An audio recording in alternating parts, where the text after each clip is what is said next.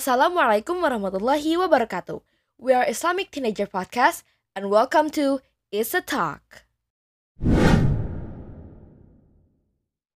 أعوذ بالله من الشيطان الرجيم بسم الله الرحمن الرحيم الحمد لله نحمده ونستعينه ونستغفره ونعوذ بالله من شرور أنفسنا ومن سيئات أعمالنا من يهده الله فلا مضل له ومن يضلل فلا هادي له وأشهد أن لا إله إلا الله وحده لا شريك له وأشهد أن محمدا عبده ورسوله In all truth, all praise is for Allah. We praise Him and we seek His assistance and we ask for His forgiveness. And we seek refuge in Allah from the evils of ourselves and from the evils of our actions. Whoever Allah guides, there is no one that can lead him astray, and whoever is led astray, there is no guidance for him. I bear witness that there is no deity that has the right to be worshipped except Allah, alone and with no partner, and I bear witness that Muhammad is his slave and messenger. Amma ba'ad, to proceed. Today we will be looking at chapter 6, Astrology. Muslim scholars of the past referred to the field of star and planetary calculations collectively as Tanjim, and they divided it into three main categories for the purpose of analysis and classification according to Islamic law.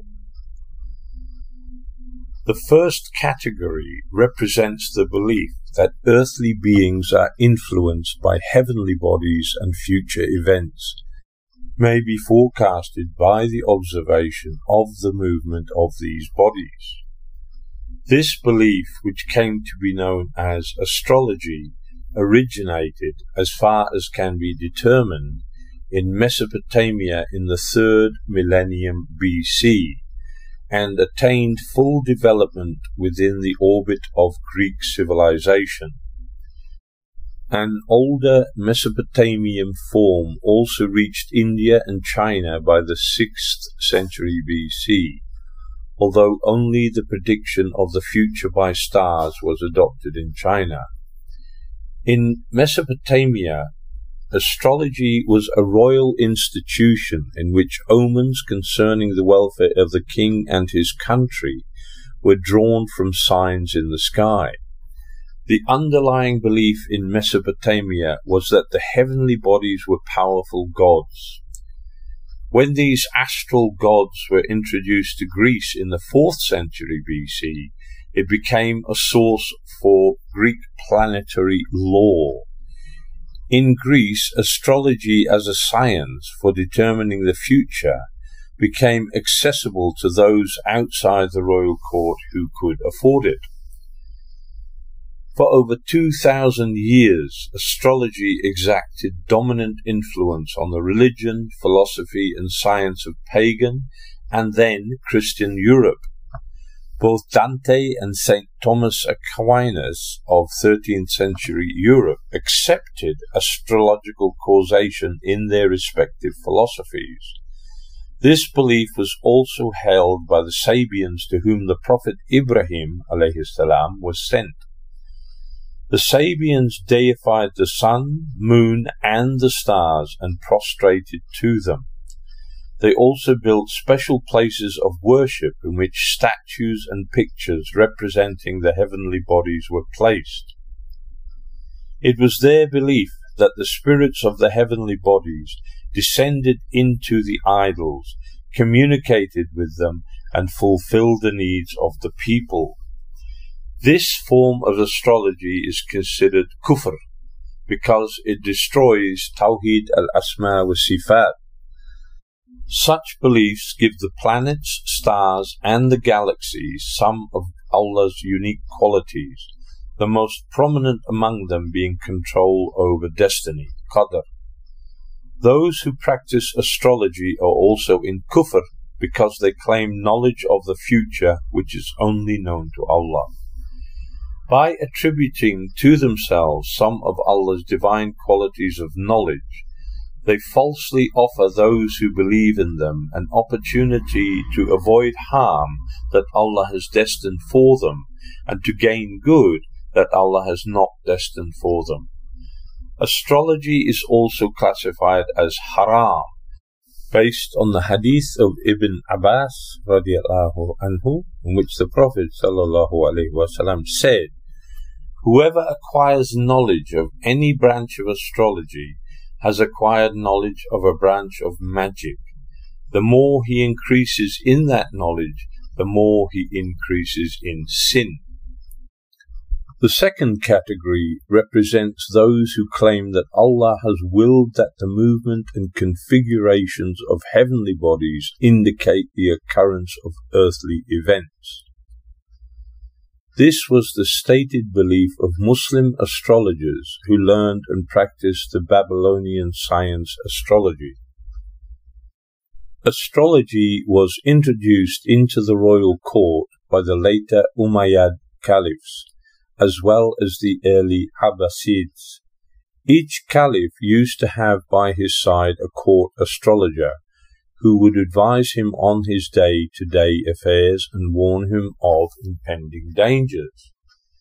Because astrology in its original form was known by the masses of Muslims to be kufr, a compromise was made by those Muslims who wished to practice it in order to make it appear acceptable Islamically. Consequently, astrological predictions were attributed to Allah's will. However, this form is also haram, and its practitioner should also be considered a kafir, as there is no real difference in essence between this belief and that of the pagans. Allah's powers are given to the heavenly bodies, and those who claim to interpret their formations claim knowledge of the future which only belongs to Allah. However, some latter day scholars have become lax in the application of divine law and have allowed this form of astrology due to the fact that it has become a widely accepted belief among many Muslims. The third and final category is the use of star formations by sailors or desert travelers in order to determine directions or by farmers to determine the arrival of the seasons in order that they may know when to plant crops, etc. These and similar practical uses represent the only aspect of astrology which is halal to Muslims according to the Quran and the Sunnah. The basis for this exception is the following Quranic verse. وهو الذي جعل لكم النجوم لتهتدوا بها في ظلمات البر والبحر He is the one who made the stars as guidance for you in the darkness of the land and the sea. Surah Al-An'am, Ayah 97.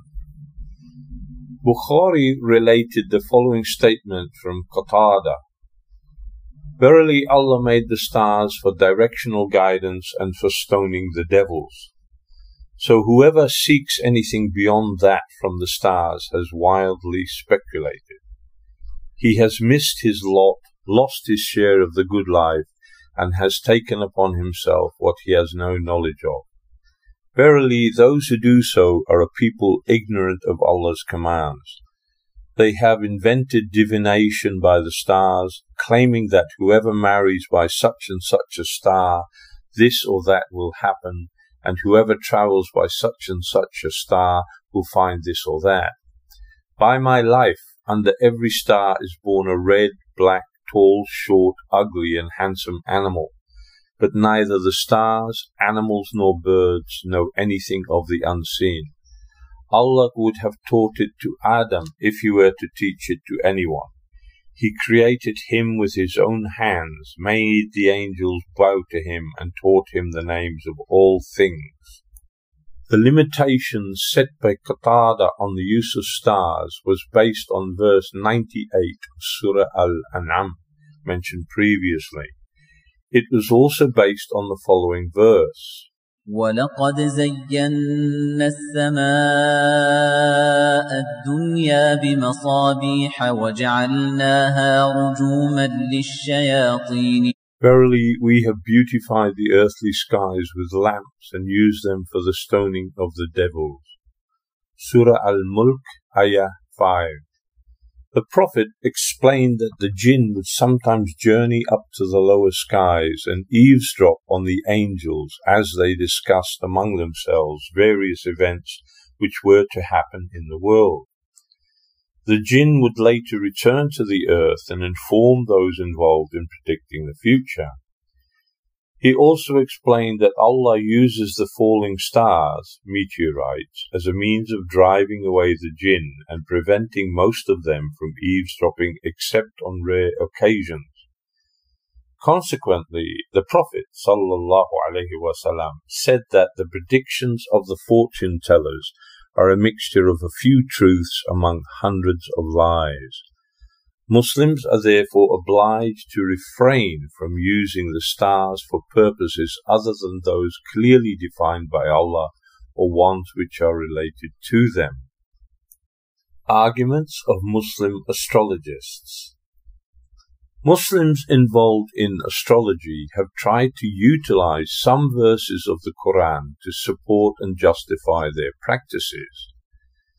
For example, in recent times, Surah Al-Buruj has been translated into English as the zodiacal signs, and its first verses as a divine oath by the zodiacal signs.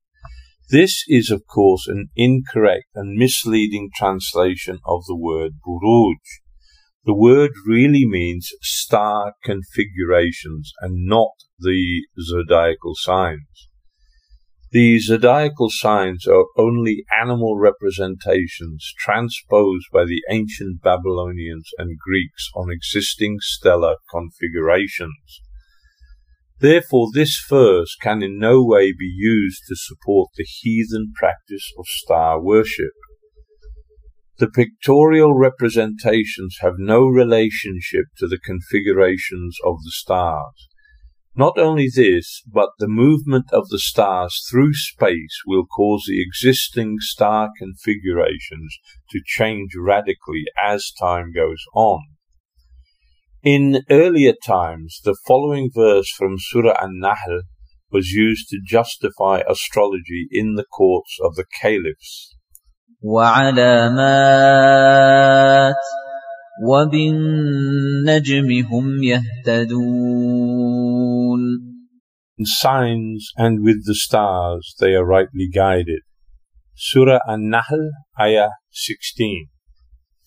Muslim astrologers claimed that this verse meant that the stars are signs revealing the unseen, and by this knowledge people may be guided in their future. However, Ibn Abbas, whom the Prophet ﷺ called Turjuman al-Quran, the translator of the Quran's meanings, said the signs mentioned in this verse meant road signs or landmarks in the daylight hours. They were not in reference to the stars at all. And he went on to say that with the stars they are rightly guided meant that they are guided by them at night during their travels on the sea and land. In other words, the meaning of this verse is the same as that of verse 98 of Surah Al-An'am. In any case, the use of these or other verses of the Quran to support the study and application of astrological pseudosciences is totally invalid. It contradicts numerous other Quranic verses which maintain that Allah alone knows the future, and it also contradicts many hadiths which clearly oppose the learning and belief in astrology and related pseudo sciences. For example, the Prophet's companion Ibn Abbas radiallahu anhu reported that he sallallahu alaihi wasallam said, Whoever learns a branch of stellar sciences has learned a branch of magic. Abu Mihjan also reported that the Prophet wasallam said, What I fear the most for my nation after my time is the injustice of their leaders, the belief in the stars, and the denial of divine destiny. Therefore, there really is no basis in Islam for the belief in or practice of astrology. Whoever tries to bend the words of the religious texts to suit their own twisted desires is in fact doing as the Jews did. They took verses of the Torah out of context and changed the meanings of the words knowingly. The Islamic ruling on horoscopes. Not only is the practice of astrology haram, as mentioned earlier, but visiting an astrologist and listening to his predictions, buying books on astrology, or reading one's horoscope are also forbidden. Since astrology is mainly used for predicting the future, those who practice it are considered fortune tellers. Consequently, one who seeks his horoscope comes under the ruling contained in the Prophet's statement. The salah of whoever approaches a fortune teller and asks him about anything will not be accepted for forty days and nights. As mentioned in the previous chapter, the punishment in this hadith is simply for approaching and asking the astrologist, even if one is in doubt about the truth of his statements. If one is in doubt about the truth or falsehood of astrological information, he is in doubt about whether or not others know the unseen and the future besides Allah. This is a form of shirk because Allah has clearly stated, وعنده مفاتح الغيب لا يعلمها إلا هو With him are the keys to the unseen, and none knows the unseen except him. Surah Al-An'am, Ayah 59. قل لا يعلم من في السماوات والأرض الغيب إلا الله Say, none in the heavens or earth knows the unseen except Allah. Surah An-Naml, Ayah 65. If, however, one believes in the predictions of his horoscope, whether spoken by an astrologist or written in books of astrology, he falls directly into kufr, as stated by the Prophet sallallahu alaihi wasallam. Whoever approaches an oracle or fortune teller and believes in what he says has disbelieved in what was revealed to Muhammad. Like the previous hadith, this literally refers to the fortune teller, but it is just as applicable to the astrologist. Both claim knowledge of the future. The astrologist's claim is just as opposed to Tawheed as the ordinary fortune teller. He claims that people's personalities are determined by the stars and their future actions and the events of their lives are written in the stars. The ordinary fortune teller claims that the formation of tea leaves at the bottom of a cup or lines in a palm tell him the same thing. In both cases, individuals claim the ability to read in the physical formation of created objects knowledge of the unseen. Belief in astrology and the casting of horoscopes are in clear opposition to the letter and spirit of Islam. It is really the empty soul which has not tasted real Iman that seeks out these paths. Essentially, these paths represent a vain attempt to escape Qadr. The ignorant believe that if they know what is in store for them tomorrow, they can prepare from today. In that way, they may avoid the bad and ensure the good. However, Allah's Messenger wasallam himself was told by Allah subhanahu wa ta'ala to say, ولو كنت أعلم الغيب لاستكثرت من الخير وما مسني السوء إن أنا إلا نذير وبشير لقوم يؤمنون If I knew the unseen, I would surely have only sought the good. But I am only a warner and a bearer of glad tidings for believers. Surah Al-A'raf, Ayah 188. True Muslims are therefore obliged to stay far away from these areas. Thus, rings, chains, and the like that have the signs of the zodiac on them should not be worn, even if one does not believe in them. They are part and parcel of a fabricated system which propagates kufr and should be done away with entirely. No believing Muslim should ask another what his sign is or attempt to guess his sign. Nor should he or she read horoscope columns in newspapers or listen to them being read. And any Muslim who allows astrological predictions to determine his actions should seek Allah's forgiveness and renew his Islam.